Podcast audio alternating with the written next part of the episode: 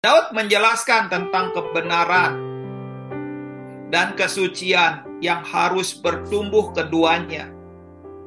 Jangan sampai yang satu maju sementara yang lainnya tidak ada kemajuan. Dan jangan ada yang mandek sementara yang lainnya bertumbuh pesat. Bicara kebenaran tuh bicara tentang hal yang terbuka. Bicara tentang yang ngebongkar. Tetapi ada orang-orang karena tidak bertumbuh kesuciannya, dia tidak mengizinkan Tuhan bekerja. Dia mencari bukan kebenaran, tetapi mencari pembenaran. Pembenaran dan kebenaran itu dua hal yang beda.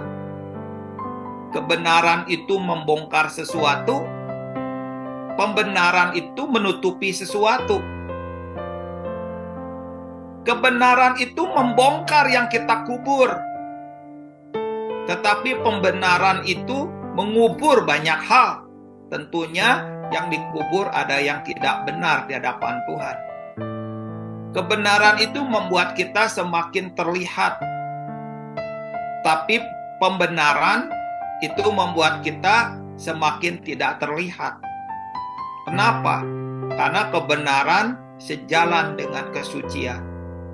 Pembenaran sejalan dengan ketidaksucian.